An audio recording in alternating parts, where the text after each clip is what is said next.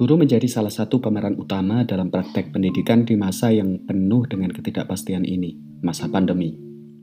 Isu-isu seperti akses teknologi, learning loss, kelas jarak jauh, komunikasi guru, sekolah, dan keluarga pun muncul lebih intens dalam pengajaran selama masa pandemi, menciptakan tantangan, kesempatan, dan harapan bagi para pengajar di sekolah untuk memfasilitasi proses pembelajaran di waktu pandemi dan masa setelahnya nanti. Di bulan pendidikan ini, para guru hadir di episode khusus Papan Tulis, membawa obrolan, membagi pengalaman dan perspektif mereka di sekolah tentang pengajaran dan pembelajaran saat pandemi. Berbagi narasi untuk para pendengar Papan Tulis. Assalamualaikum Kak David. Halo.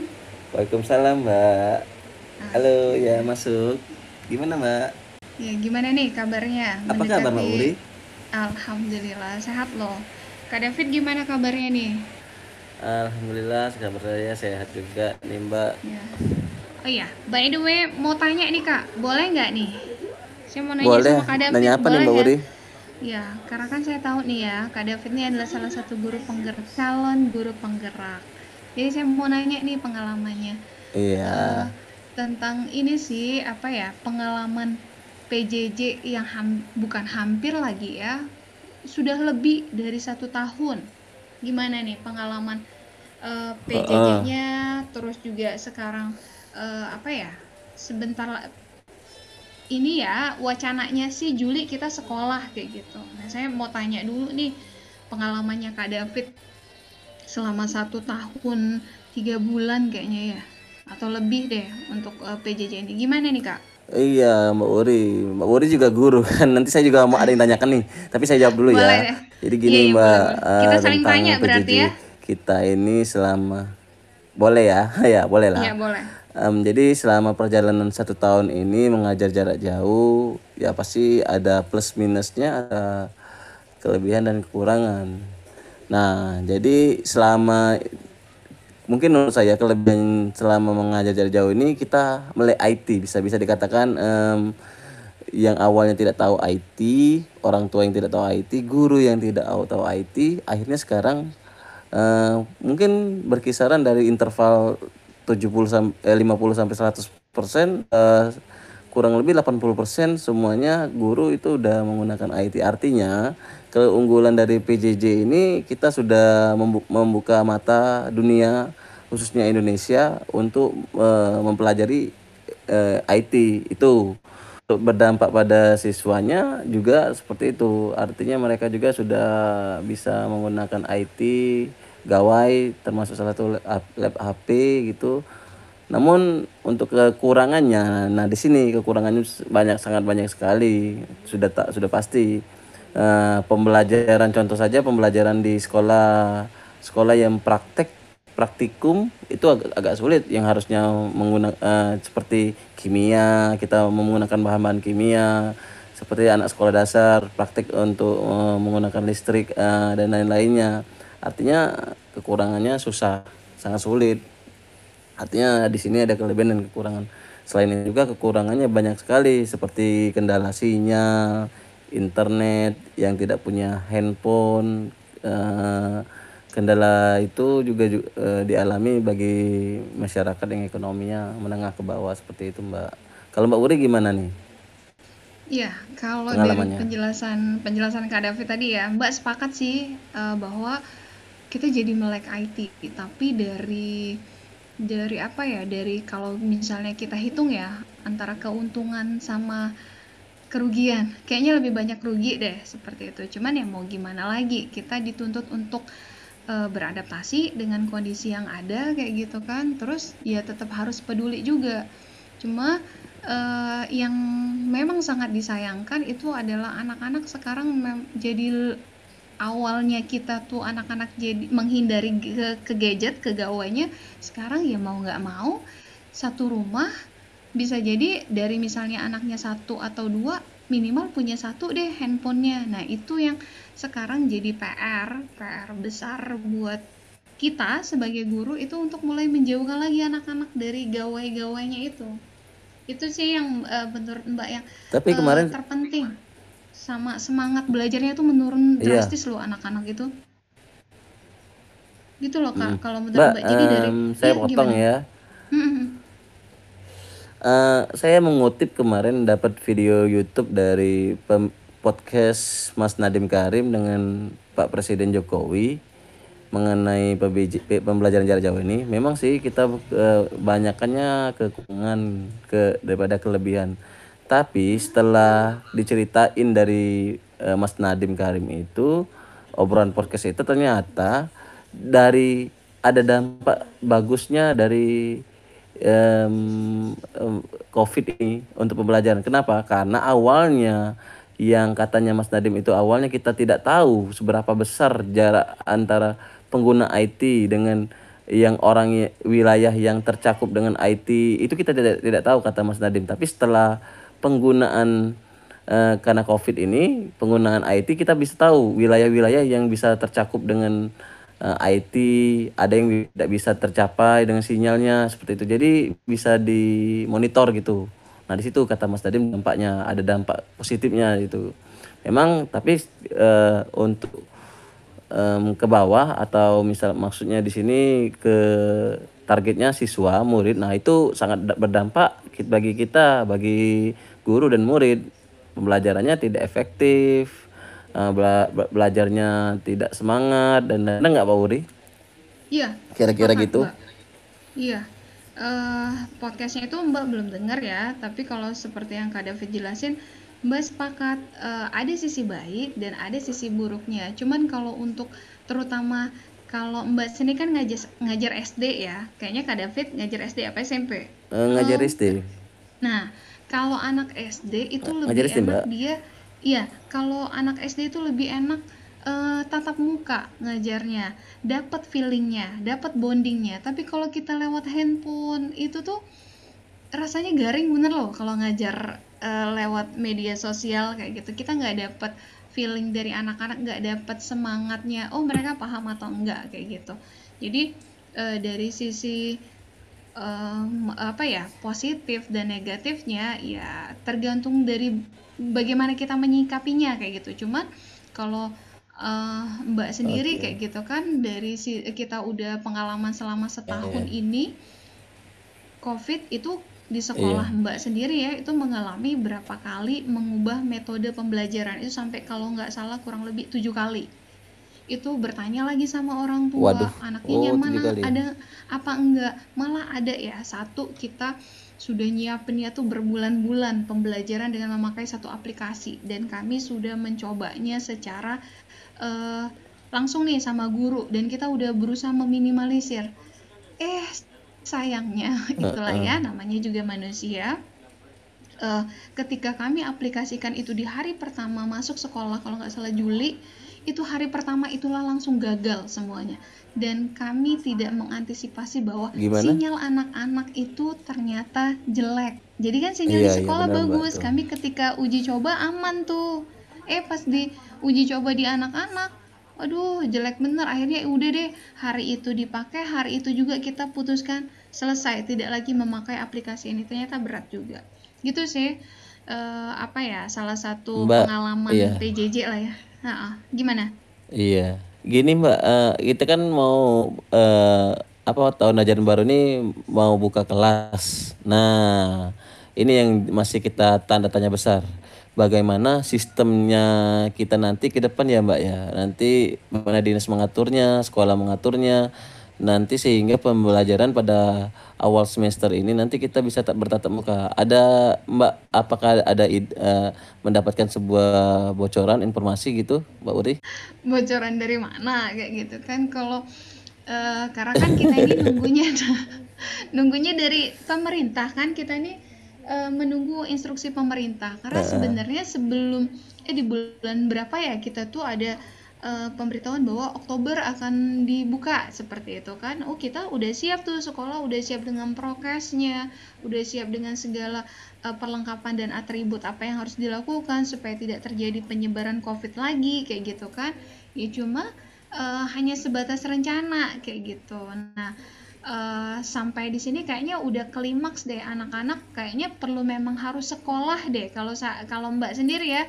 Mbak tuh pokoknya anak-anak tahun ini harus sekolah, dia harus merasakan bahwa uh, sebenarnya lebih asik tuh belajar di sekolah kayak gitu. Dan ini juga salah satu apa ya uh, apa ya bahasanya itu anak-anak tuh jadi seperti tersadar. Kalau kalau suka di sekolah bunda kayak kayaknya kami nggak mau lagi ah doanya doanya panjang-panjang doanya misalnya kami mau libur yang lama kayak gitu. Sekarang liburnya setahun nggak enak. Bener bunda kayak gitu kan. Lebih enak belajar di sekolah kayak gitu jadi uh, kalau mbak sendiri kayak gitu kan itu tergantung uh, sekolah masing-masing kesiapan sekolahnya. Apakah sekolahnya siap untuk membuka uh, pembelajaran atau tidak.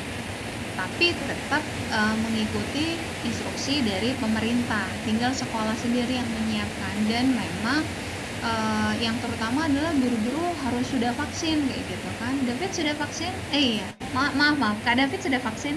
Udah alhamdulillah ya, hmm, iya. Jadi, uh, saya setuju Mbak Wuri apa yang dikatakan Mbak Wuri. Jadi um, um, apakah Mbak Uri punya strategi gitu untuk misalkan ke depan misalkan kita nanti siapa tahu Mbak Uri punya strategi bisa ber, ber, berbagi dengan kita juga di sini. Uh, gimana caranya nanti saat, saat pembelajaran tetap muka nanti berlangsung agar uh, menghindari lah yang namanya virus itu atau strategi belajar yang lainnya seperti itu. Iya ya, ini berdasarkan persepsi Mbak saja ya Kak ya. Jadi uh, yang pertama memang kita harus siap dengan tim tim gurunya kolaborasi dengan kepala sekolah dan koordinasi juga apakah sekolah kita sudah siap dengan prokes terus uh, bagaimana antisipasi sekolah kayak gitu kan karena kita masih proses peralihan bukan serta merta ketika uh, pemerintah mengizinkan maka semuanya bisa masuk. Nah khawatir nanti seperti negara tetangga yang merasa sudah divaksin ternyata loss kan. Jadi banyak yang uh, meninggal. Nah kita kita menghindari yang seperti itu meminimalisir. Jadi kalau di sekolah mbak sendiri kayak gitu kita menyiapkan tim. Sekolah siap apa belum nih untuk masuk di bulan Juli? Oh kita udah siap masuk kayak gitu. Yang kedua adalah uh, komunikasi komunikasi dengan orang tua. Dan sama ya seperti instruksi pemerintah sebelumnya ketika pemerintah membuka tetap keputusan akhir ada di orang tua. Kalau orang tua tidak mengizinkan anaknya untuk sekolah eh, sekolah tidak bisa memaksakan. Oke harus seperti ini tidak bisa. Karena hak anak eh, itu ada di orang tua bukan di guru seperti itu. Jadi kita akan membuat eh, perencanaan bahwa sekolah dibuka di bulan Juli kalau dapat izin pemerintah kayak gitu kan. Dan tetap uh, dengan standar prokes uh, apa ya meminimalisir covid dan anak-anak itu akan dibagi menjadi dua kelas. Jadi bisa jadi modelnya shifting kayak gitu. Bisa jadi shifting atau bisa jadi persesi. Dan sekolah masih belum bisa normal. Kalau biasanya sekolahnya dari pagi jam 7 sampai jam 3 sore itu mungkin dari jam 7 sampai jam uh, 10 atau seperti jadi sesi 1 sesi 2 karena iya, terbatasan yeah, yeah. yeah, benar juga tuh. seperti uh. itu kak kayak gitu itu sih yang mbak ininya jadi uh, benar. Uh, tetap keputusan ada di orang tua kita nggak bisa maksa juga yeah. gitu kak saya sepakat nah kalau kak David sendiri gimana tuh. nih uh, saya info yang saya dapat berdasarkan info yang saya dapat mengenai pe, tatap muka nanti pembelajaran tatap muka memang yang saya dapat memang sistemnya nanti nggak semuanya masuk. Ada yang sistem digunakan genap ganjil atau per hari per sesi yang genap ganjil seperti hari ini misalkan Senin uh, misalkan hari Senin dia akan menggunakan jadwal uh, siswa yang absennya nomor bilangan genap. Terus hari Selasa siswa yang bilangan ganjil seperti itu nah, mungkin ya di situ kita di situ juga mungkin beberapa banyak kendala kita termasuk juga menurut saya sih Mbak Buri nanti iya, nanti perbedaannya nanti ke RPP dengan kurikulumnya Mbak kenapa karena saya pikir misalkan hari Senin kita mengajar materi A, otomatis kita Selasa nanti mengulang lagi materi A lagi karena siswanya berbeda kan seperti itu. Nah, di situ yang yeah. saya pikirkan sampai saat ini gimana ya nanti prosesnya gitu.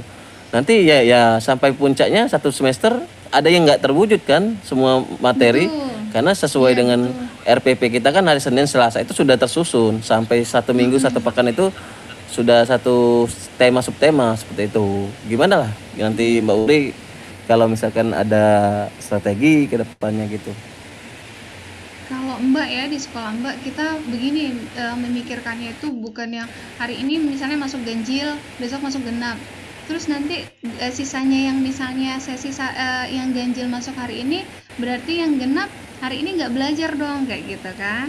Jadi kita meminimalisir yang seperti itu supaya hmm. gurunya nggak kerja double juga kan. Udah ngajar lu uh, secara tatap muka ngajar juga secara daring kayak gitu kan. Nyiapin lagi materinya uh, kasihan. uh, karena uh, uh, karena kan uh, uh. Uh, guru di jam di masa pandemi ini bener-bener kerjanya on call ya 24 jam ininya.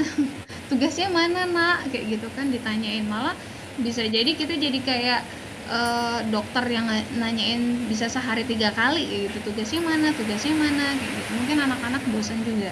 Ya cuman dinikmati saja kayak gitu kan posisi sekarang nah jadi uh, kalau di sekolah Mbak itu modelnya begini Kak. Misalnya satu kelas itu ada 30 anak ya.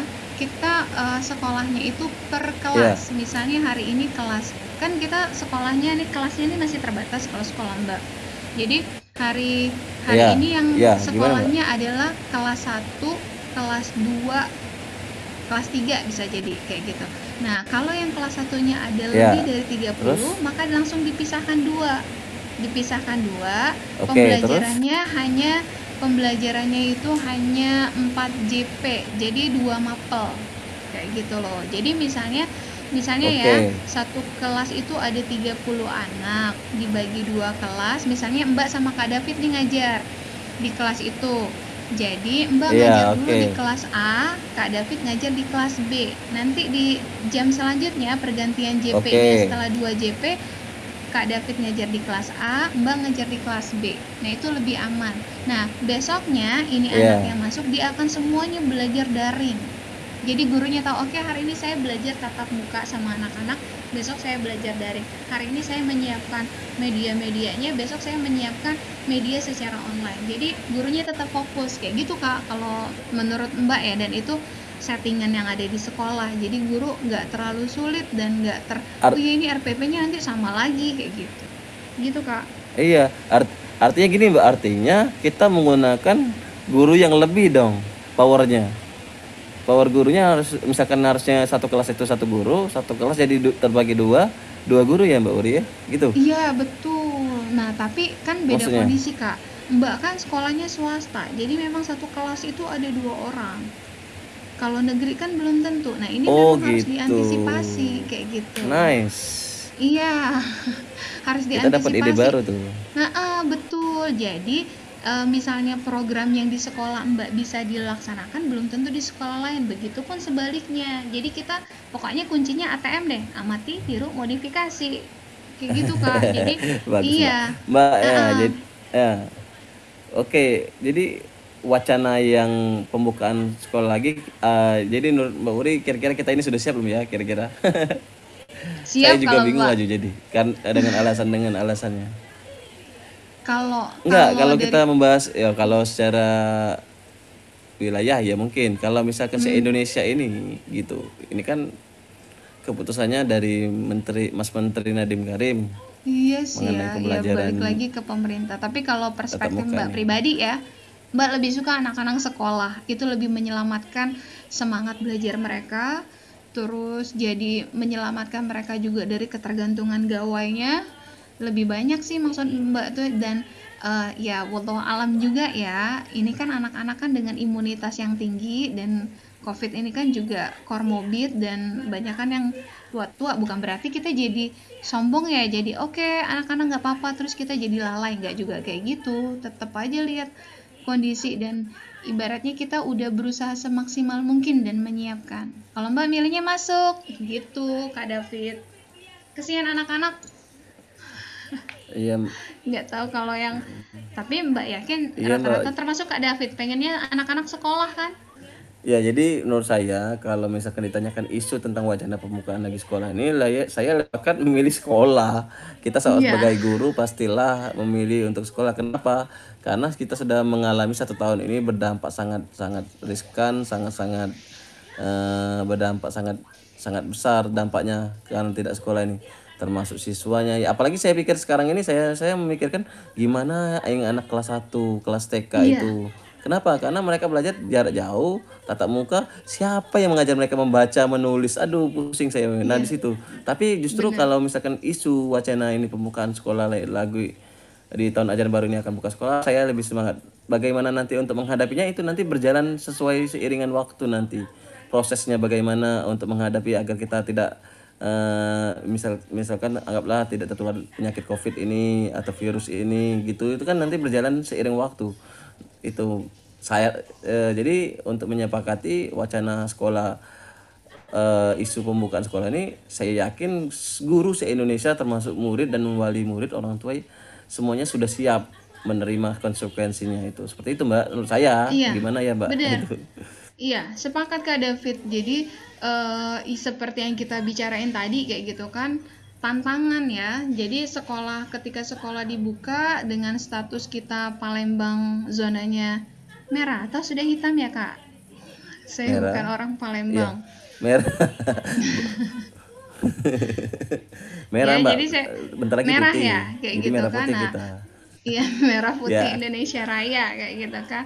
Nah itu tantangannya. jadi kita berharap adalah sekolah masuk nih bulan Juli. Anak-anak kalau di total uh, tidak masuk sekolah itu satu tahun tiga bulan karena kita mulai dari Maret 2019 yeah.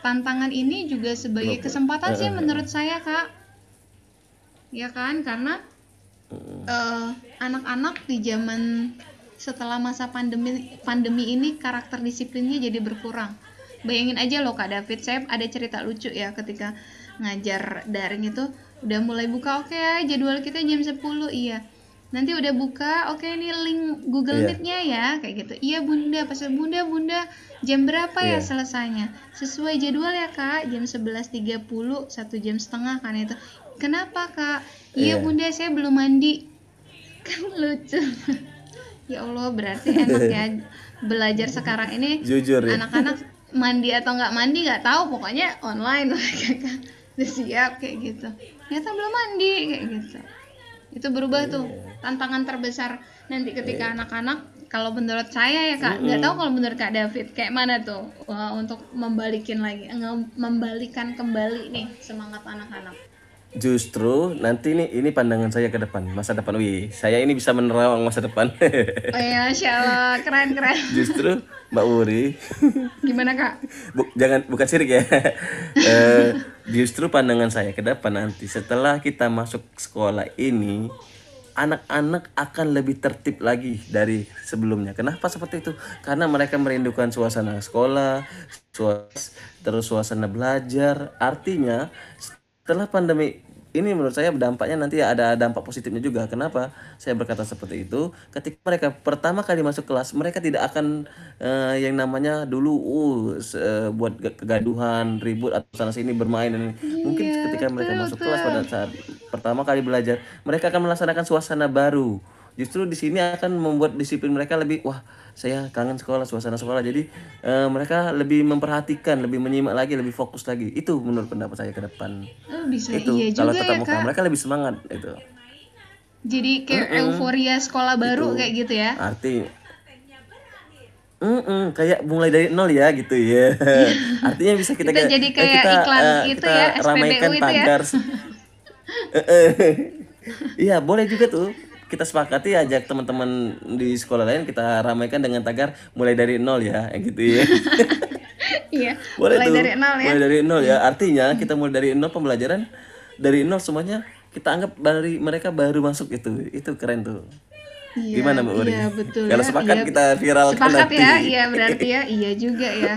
dan ya saya sepakat ya. Saya saya kepikirannya anak-anak ini nanti semangat nggak ya? Kayak gitu kan. Iya takut saya terbawa anak-anak yang biasanya bangun pagi yang udah tahu masuk jam 7 tiba-tiba corona hilang kayak gitu kan. Bangunnya siang kayak gitu. Kalau ceritanya sholat subuh enggak mereka semangat. Iya iya semangat karena mau sekolah ya kayak gitu. Iya betul iya. juga ya.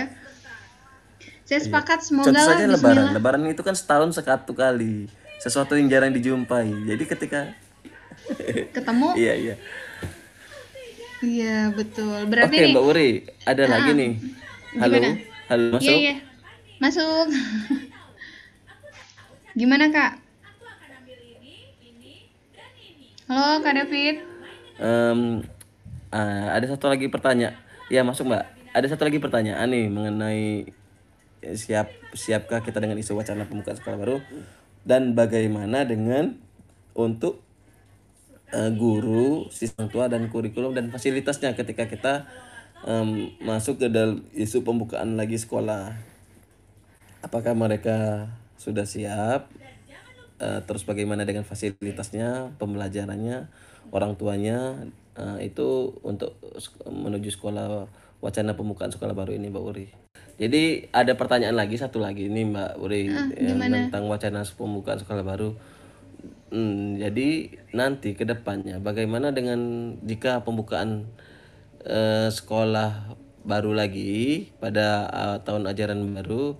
Bagaimana dengan pengalaman guru siswa atau orang tua? Bagaimana dengan kurikulumnya dan bagaimana dengan fasilitas yang akan menunjang pada saat pembukaan sekolah baru lagi gitu? Perencanaannya ya maksudnya ya kak? Mm -mm. ya sih kalau dari mbak sendiri ya, ya kan sama gini kan jadi gini. Hah, gimana ya jadi gini um, sekolah baru kan mungkin tahun aja baru kita akan buka nah nanti kan guru gurunya persiapan gurunya bagaimana sih untuk persiapan sekolah baru? Terus uh, orang tuanya apa orang tua seperti mbak Uri tadi apakah bilang mereka setuju atau nanti bagaimana kendalanya? Terus bagaimana dengan kurikulum? Terus fasilitasnya apa nanti? Soalnya sudah satu tahun kita tidak sekolah ini mungkin fasilitas uh, bisa dikatakan rusak atau hilang dan lain-lain itu. Nah itu Iya, betul. Tahu nggak Kak David?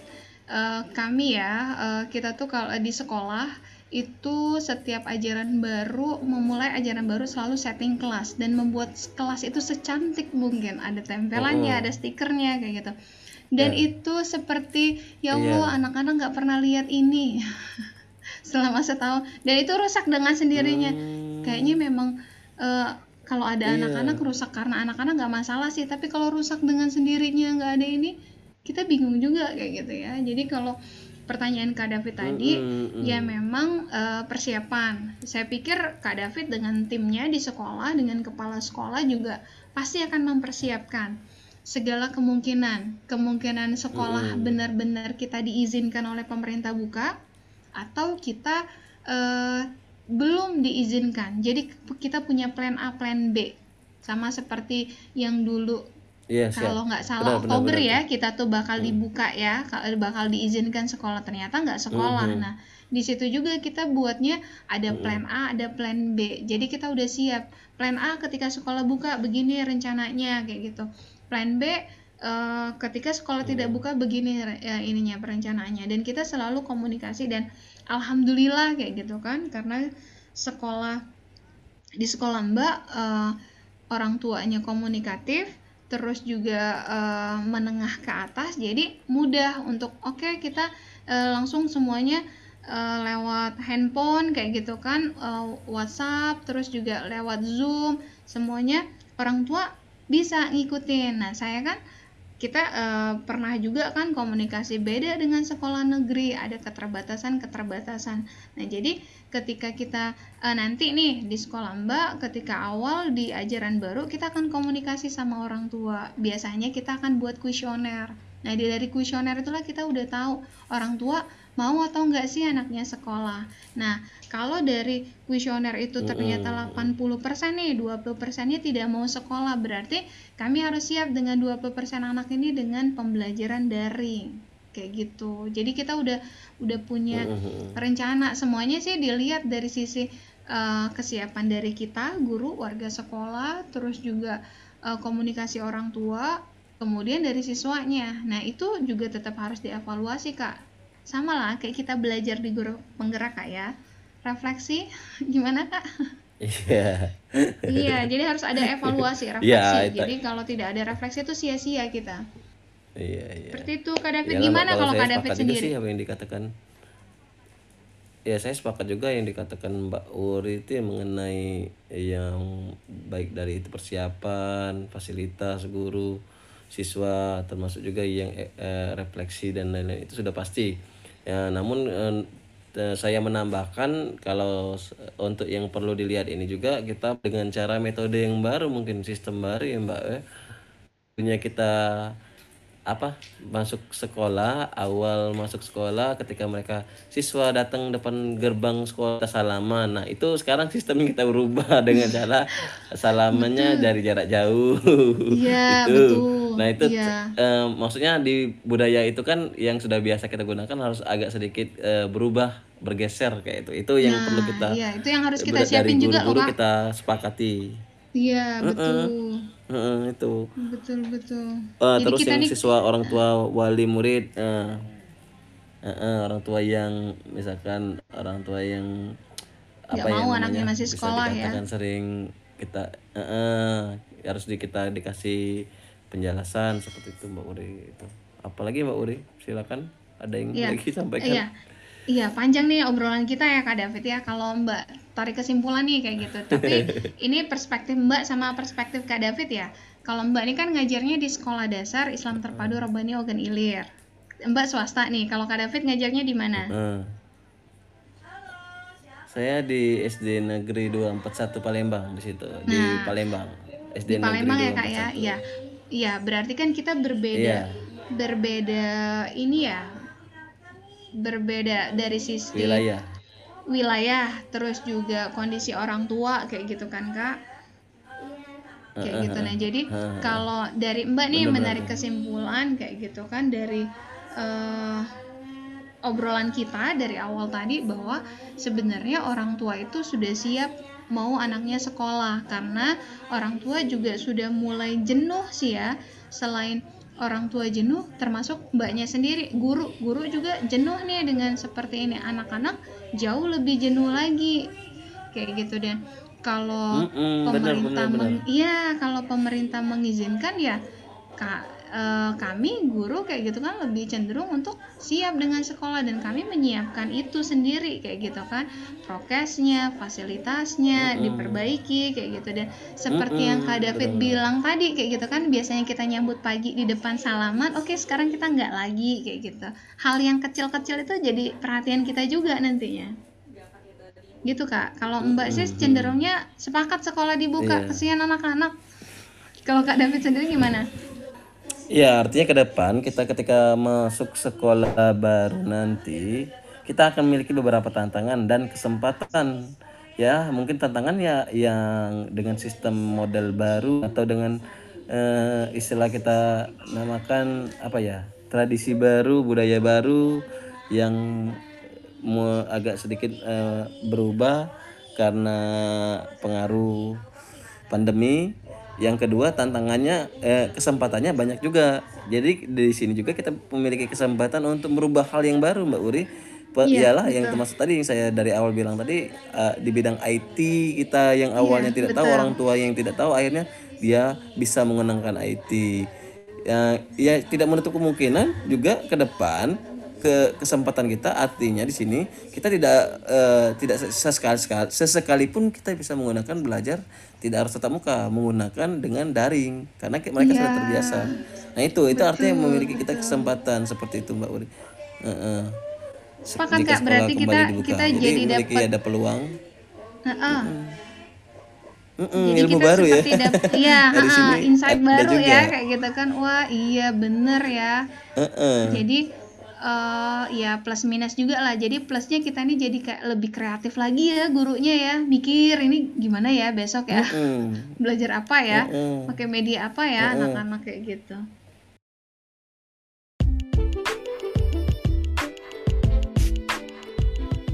Terima kasih telah mendengarkan dan ikut serta membangun narasi pendidikan yang lebih baik lewat papan tulis.